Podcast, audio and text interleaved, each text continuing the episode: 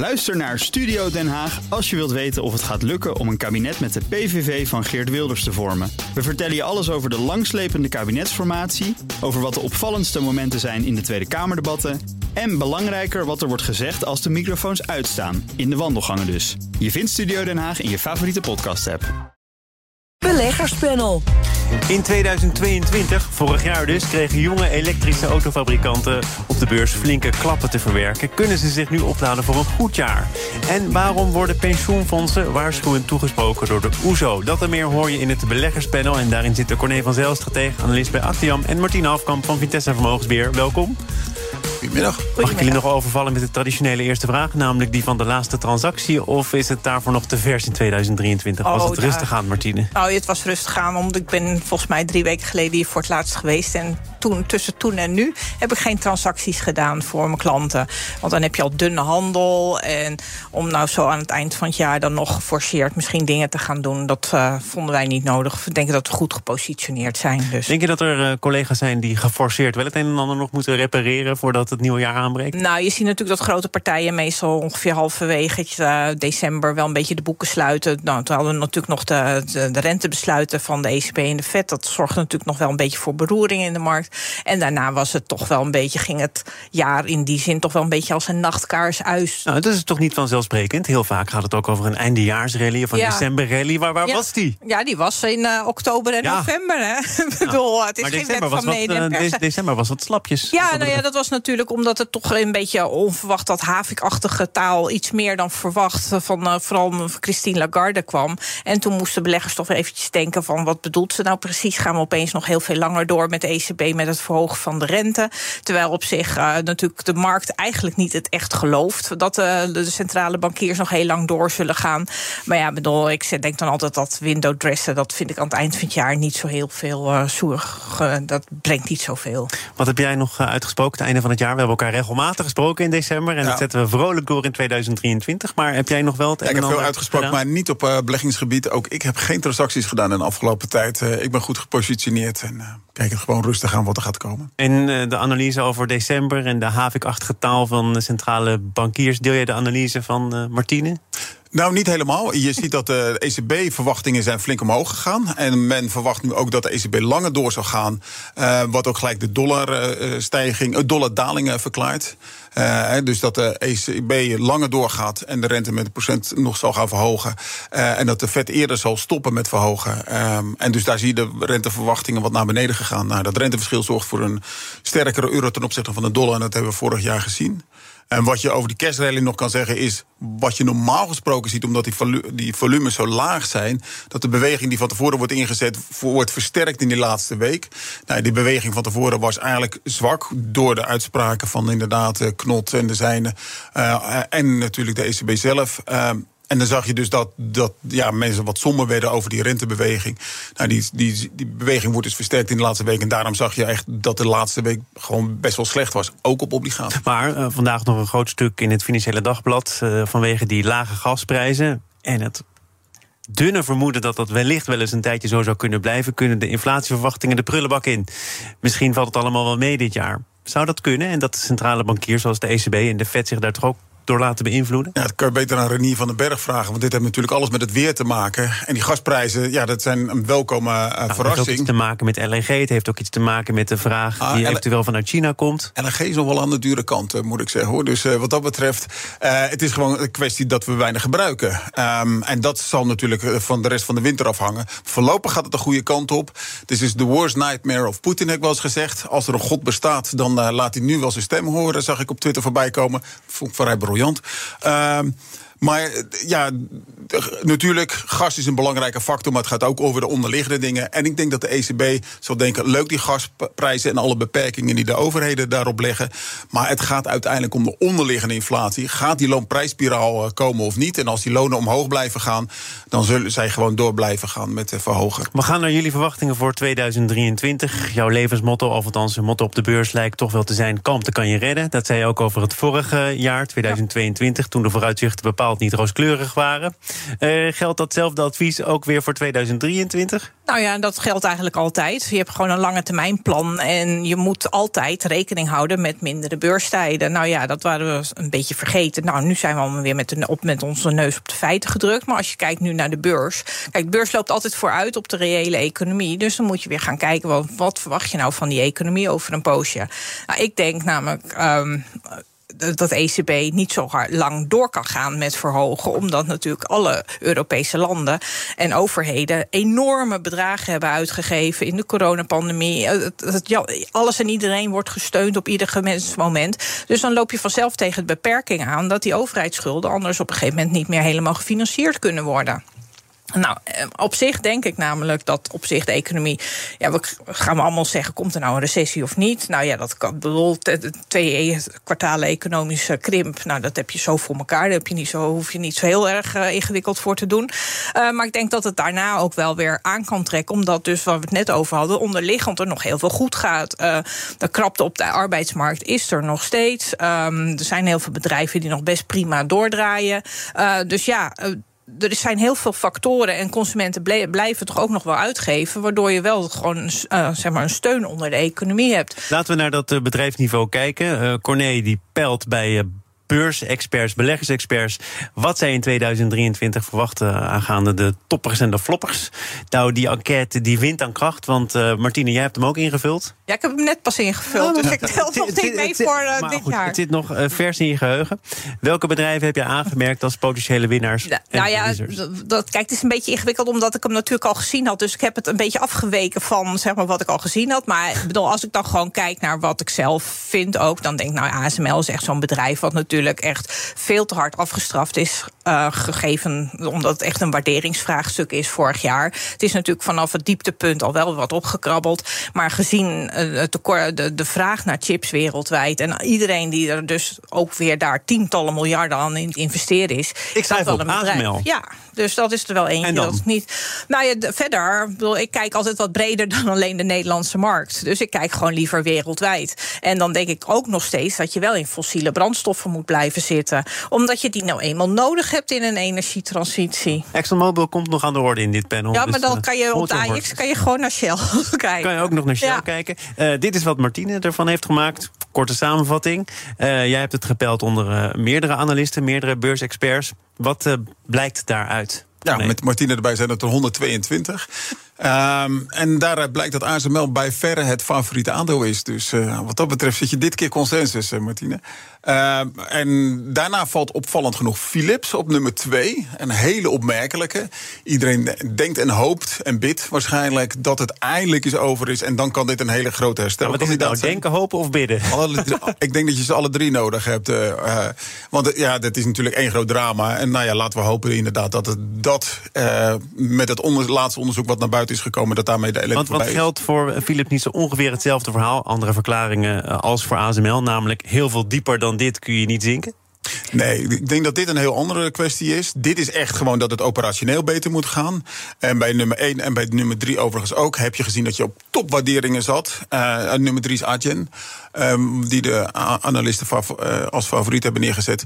En dat de waardering echt ongelooflijk hard naar beneden gegaan is. Want de koers is hard naar beneden gegaan. Bij ASML min 29% bij Adyen min 44% Terwijl de winsten wel omhoog gegaan zijn. Dus daar is het echt puur een waarderingskwestie. En dat is bij uh, ja, Philips zeker niet. Bij Philips is het gewoon hopen op een bedrijfsmatig herstel. En voordat we dit als waarheid gaan aannemen... we hebben het de afgelopen vrijdag ook kort over gehad... op een andere plek in dit programma... hebben deze experts nou een beetje kijk op? Als je ziet naar wat ze over 2022 zeiden... dan waren er hoge spannen verwachtingen over een bedrijf als Just die Takeaway. Ja, inderdaad. Die hadden ze op nummer 2 staan vorig jaar. Nou, dat was het allerslechtste aandeel in de AX, totdat het uit de AX gesodemieterd werd. Dus wat dat betreft zou je zeggen, nou, zoveel kunnen ze er ook niet van. Als je alle aannamen neemt, want ze hadden ook Egon gekozen bijvoorbeeld als uh, favoriet. En aan de minkant hebben ze ook goed gescoord met Agent toen als, als flopper. Uh, is het ongeveer gelijk. Een heel klein uh, negatief cijfertje. Dus het is er zijn er overigens ook nog uh, bedrijven waarvan ze over 2023 wat minder verwachten. Want die top 3 aan de groene kant hebben we nu gehad. Maar ja, uh, bijna, alle bijna allezelfde namen, uh, afgezien van Arjen natuurlijk, die weer aan de flopperskant zijn. De ArcelorMittals, omdat het een cyclisch bedrijf is. Unibaar staat bovenaan. Ja, een onroerend goed moet je niet inzitten. Zeker niet in winkel onroerend goed. En Exor staat er ook opvallend in als uh, nieuwe binnenkomer. Welke floppers voorzie jij, Martine? Ik uh, had Unibuy opgegeven. En dat was niet omdat ik, ik had alleen bij de winnaars gekeken. Dus dit heb ik dan nog wel. Maar dat is dan weer een beetje meer logisch nadenken, zeg maar. We gaan naar andere potentiële winnaars in 2023 in het tweede deel van dit panel. BNR Nieuwsradio. Zaken doen. Thomas van Zeil. Martine Hafkamp en Corné van Zel zijn de leden van het beleggerspanel. Voor de jonge fabrikanten van elektrische auto's, zoals Polestar, Lucid en NIO, was 2022 een slecht beursjaar. Na jaren van hoge verwachtingen kelderde de marktwaarde van die autofabrikanten flink. En dat, Martine, terwijl de elektrificatie van het wagenpark, voor een deel afgedwongen door nieuwe wet en regelgeving, toch in volle gang is. Hoe kan het dat elektrische autofabrikanten daar uh, zacht gezegd niet van profiteren? Integendeel zelfs. Nou, de koersen hè, van de aandelen. De ja, uh, als je daar dan naar kijkt, nou is hetzelfde lot is hun beschoren geweest als technologieaandelen. Ik bedoel, ze zitten natuurlijk in dezelfde hoek. Het is heel veel op basis van toekomstige winsten. En beleggers hadden gewoon het afgelopen jaar meer een voorkeur, helemaal in de tweede helft van het jaar, voor zeg maar huidige winsten. Nou ja, en dan zie je dus, als je dan een hogere rente hebt waarmee je die moet gaan contant maken naar nu, dan zie je dus daar enorme koersdalingen. Maar je ziet ook natuurlijk, bedoel, en mensen, beleggers vrezen natuurlijk voor alle uh, tekorten die er kunnen ontstaan aan uh, de uh, nuttige materialen als kobalt, als lithium en noem het allemaal op, dat, dat, dat dat niet allemaal op tijd geleverd kan worden. En je ziet natuurlijk ook wel dat je gewoon nog wel ook gewone auto's nodig blijft hebben. En ik denk ook, en je ziet natuurlijk ook dat grote traditionele fabrikanten, dat die ook vol op die elektrificatie inzetten. Maar je ziet vooral als een correctie. Er zat ook wel ja, heel erg veel lucht ja, in. Ja, en je ziet natuurlijk ook wel dat de, de, verwachte aantallen die ze geproduceerd hebben of kunnen geleverd hebben, dat die toch lager zijn dan de verwachtingen. Dus uh, het heeft ook weer natuurlijk met economische groei te maken. En als je dan weer wat mindere tijden verwacht, dan bedoel, gemiddelde elektrische auto, dat kost toch best nog wel een uh, aardig uh, ja, centje, maar die kost gemiddeld maar. ook steeds wat minder, toch? Ja, maar ja, bedoel, ik denk niet dat iedereen, bedoel, ik zie in Nederland ook niet iedereen in gloednieuwe auto's rondrijden. En dus daar gaat nog wel een tijdje overheen. Is dit inderdaad uh, analoog aan wat er gebeurt met uh, andere techbedrijven? Dat die autofabrikanten op die manier worden afgestraft? Ja, ik kan het helemaal onderschrijven. Tesla stond iets van 120 keer de verwachte winst aan het begin van het jaar. Nu, en nu nog maar 55 keer de verwachte winst. Is nog steeds best nog, wel veel. Ik was nog maar 55 keer. Uh, en Tesla is ook met 75% gedaald. Dus ja, het is heel erg goed gegaan. Hoewel de laatste cijfers best wel ook teleurstellend waren qua verkoopaantallen. Van Tesla, die vandaag naar buiten zijn gekomen? Ja, inderdaad. zaten er toch wel een serieus stukje onder 15.000. Tegelijkertijd een record uh, aantal geleverde auto's. Ja, maar de koers uh, reageert meestal op wat je uh, afwijkt van de verwachtingen die er al staan. De, de koers van gisteren is gebaseerd op de verwachtingen die er gisteren waren. Nou, die worden vandaag aangepast. Uh, nou is Tesla heel bijzonder aan, dus ik ga echt niet zeggen dat de koers straks gaat dalen. Dat moeten we nog eventjes zien.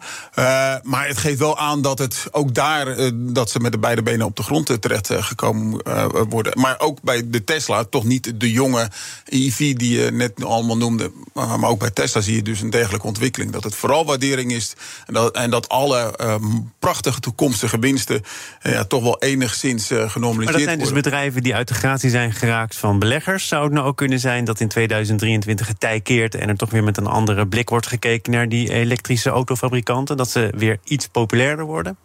Nou, ik denk dat er nog een heleboel lucht uit moet. Uh, als je gaat kijken dat alle verwachtingen van de elektrische automakers bij elkaar was drie keer de huidige productie van sowieso alle auto's. Nou ja, dat lijkt me dat er best nog wel veel lucht in die verwachtingen zit.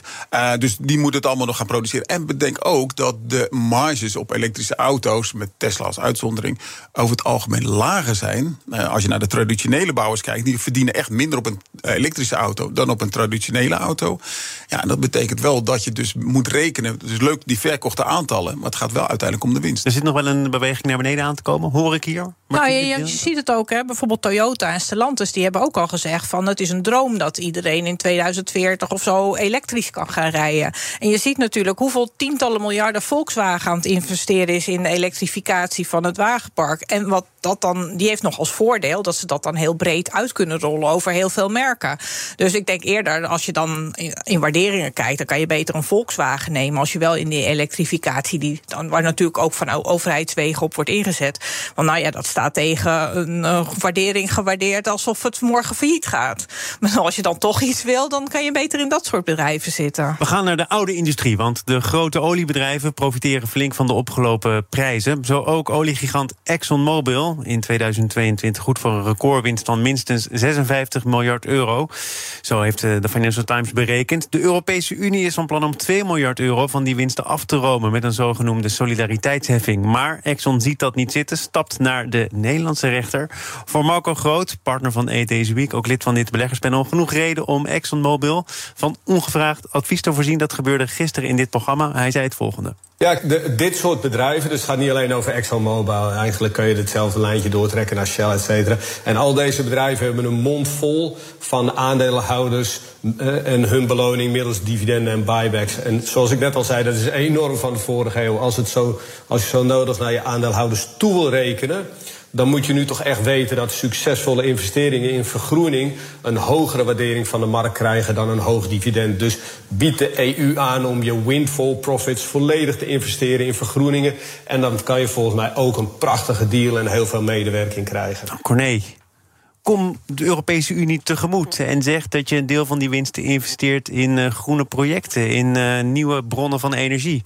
Zou ExxonMobil daarmee van de problemen af zijn? Nee, ik denk het niet. Ik denk dat uh, de Europese Unie een, een, mooie gelegenheid ziet om eigen belastinggeld binnen te halen. En ik denk dat ze daar geen enkele mogelijkheid om, onbenut zullen laten. Dus dat zullen ze sowieso doen. Maar het is voor een belangrijk een juridische kwestie, hè? Of het te verklaren is, te legitimeren is dat er op deze manier een deel van de winsten naar de Europese Unie gaat. Het is een ja. juridische procedure waarvan ExxonMobil zegt... zo hoort het eigenlijk niet te gaan.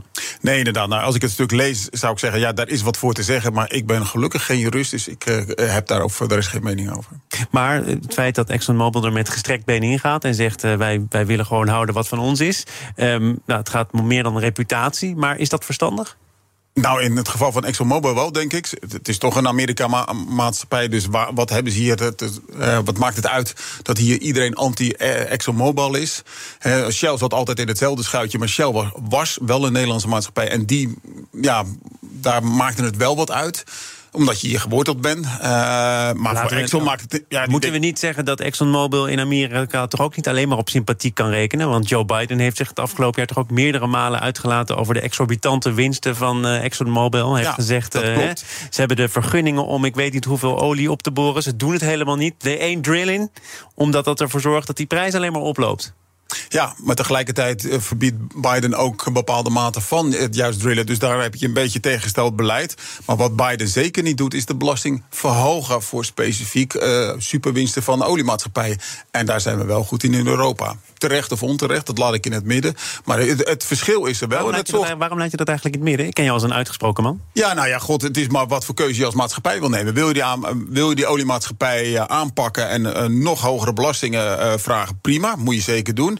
Alleen denk wel na over de consequenties daarvan. Uh, en dat betekent dus dat als men uh, ergens gaat investeren en je denkt, nou maar wacht even, in, als ik eens een keer echt veel geld verdien, dan word ik in Europa aangepakt, in Amerika niet dan zullen bedrijven dus eerder naar Amerika gaan om daar te investeren. Dat, dat is wel het logische gevolg ervan. Ja, dat, dat wordt door critici betwist. Hè. Die zeggen ook voor ExxonMobil is Europa toch zo interessant. Mm -hmm. En zeker als je kijkt naar hoeveel geld ze nu verdienen, dat ze niet om die reden Europa in één keer links zullen laten liggen. Uh, nou, nee, dat weet ik niet of ze dat doen. Het is natuurlijk wel, er worden allemaal uh, ook subsidies in werking gezet om overal juist, iedereen wil op zijn eigen territorium wat meer terugtrekken, zeg maar. Maar als je in het geval van ExxonMobil, volgens mij zijn die ook helemaal niet van plan om heel veel duurzame dingen te doen. Die hebben zich gewoon gezegd, wij gaan gewoon wel lekker door met dat boren. En nou ja, in 2020, we hebben het nu dan over de winst die ze gehad hebben, maar toen hadden ze een heel negatief resultaat. Ja, wat ga je dan doen? Ga je dan zeggen van, bedoel, het is altijd makkelijk met terugwerken de kracht om dit soort dingen te gaan doen. Hè. Maar toen hadden ze 22 miljard verlies of zo. Uh, ja, en ik denk dat ExxonMobil denkt... Het, maar het, het, vervelende is, het gaat om een vormfout inderdaad. Wat je zegt, het is een, of, of, of een maas, zeg maar, wat, wat ze dan als, als definitiekwestie... Het gaat natuurlijk niet om de inhoud of het überhaupt logisch is... dat je dat gaat doen als Europese Unie, zeg maar, zo'n uh, zo'n zo'n uh, extra belasting indienen. Maar jij zegt voor de langere termijn, we zijn nog lang niet van olie af... Nee. dus blijf er lekker in zitten. Ook Ja. als belegger. Ja, ik vind wel. Ik denk dat je dan juist een bijdrage ook levert aan de verduurzaming. Want het moet toch op de een of andere manier gebeuren. En, bedoel, en je, dan kan je. Maar je weer- zegt net zelf dat Exxon eigenlijk niet of nauwelijks investeert in goede nou, projecten. nou ja, ik zit ook niet in Exxon belegd, maar ExxonMobil. Maar bedoel, eh, het is wel gewoon, we hebben olie nodig. Ik bedoel, ik heb hier ook vaker in eh, geze- gestaan met, me- met die wel dus echt gewoon op de energietransitie inzet. Maar die zeggen ook, nou tot 2040 hebben we toch echt nog wel gewoon fossiele brandstoffen nodig.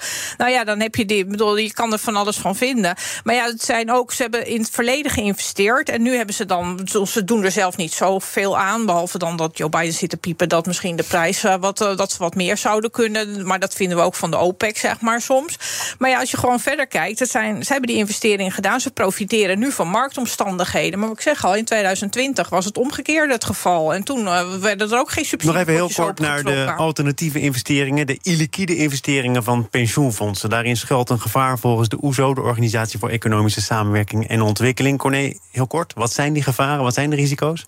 Nou, eigenlijk heel simpel. Dat als je er snel vanaf wil, dat eh, je er geen eh, goede prijs voor krijgt. En dus tegen ramskoersen het moet verkopen. Nou ja, eh, een, een probleem van de illiquiditeit hebben we dus gezien in het Verenigd Koninkrijk in de afgelopen eh, herfst. Nou, dat was één groot drama. En de Bank of England moest daar echt ingrijpen. Dus dat moet je zien te voorkomen. En dit gaat met name over het feit dat kleine pensioenfondsen, die eigenlijk geen verstand van zaken hebben, in illiquide projecten stoppen. Van ja, het levert meer op. En dat was vooral omdat de, de rente zo laag was. En dachten ja, goh, ik kan als ik in een illiquide project op, eh, zeg maar, ja, eh onroerend goed of Dat zijn al infrastructurele, precies. Hè? Daar snaap je zich ook regelmatig. Dan Ja, heeft u weer een stukje dus gekocht van namens APG. Ja, ik weet niet eh, of APG onder de kleine pensioenfondsen vallen, niet. Waar, waar dit eh, dan specifiek deze commentaren op zijn. Maar als je geen verstand van zaken hebt en je zegt van goh, ik kan een illiquiditeitspremie ontvangen. eh, alleen maar om de illiquiditeitspremie te ontvangen. Ja, dat, dan sla je vaak de plank mis. En vaak doe je dat ook op het foute momenten. En daar waarschuwen ze voor heel erg terecht. Overigens, dat gezegd hebben, zijn pensioenfondsen natuurlijk bij uitstek een hele goede beleggers om juist die liquiditeitspremie te ontvangen, omdat ze voor die hele lange termijn beleggen. Tine? Ja, dat vind ik ook. Want het wordt natuurlijk ook gestimuleerd hè, van die private, publieke eh, projecten. Dus, maar ja, ik denk dat een iedere, ieder pensioenfonds moet ook gewoon als een goed huisvader eh, acteren. Dus die mag ja, volgens mij maar een beperkt deel van zijn portefeuille in illiquide dingen stoppen. Dus het is niet zo dat in één keer die hele portefeuille eh, natuurlijk te geldig gemaakt moet worden in andere marktomstandigheden. Maar je moet het wel altijd goed in de gaten houden. Want inderdaad, als je kijkt naar het Verenigd Koninkrijk, dan kan je dus zien hoe snel het anders kan gaan. Maar de situatie in het Verenigd Koninkrijk hoeft geen blauwdruk te zijn voor de situatie in Nederland, toch? ik dat dat daar wel zaken speelden die Nee, toch ook nee, nee, heel nee. anders georganiseerd zijn. Als je het hebt over LDI-fondsen, nou ja, wij bij Cardano en Actian weten daar vrij veel van. Die situatie is compleet onvergelijkbaar met de situatie die in Engeland is.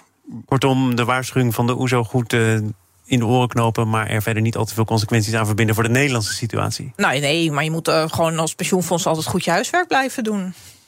Dat eh, ben ik eh, zeer zeker met jullie eens. Dank voor het feit dat jullie eh, huiswerk hebben gedaan, enquêtes hebben ingevuld. Zeer gewaardeerd. Tot een volgende keer in het beleggerspanel. Corné van Zijl, analist en stratege verbonden aan Actiam. En Martine Hafkamp, oprichter van Vintessa Vermogensbeheer. Beleggerspanel wordt mede mogelijk gemaakt door Annexum. Al meer dan 20 jaar de aanbieder van vastgoedfondsen. Straks de Oekraïne-update met Mart de Kruijf, oud-commandant der landstrijdkrachten. Goede reden om te blijven luisteren.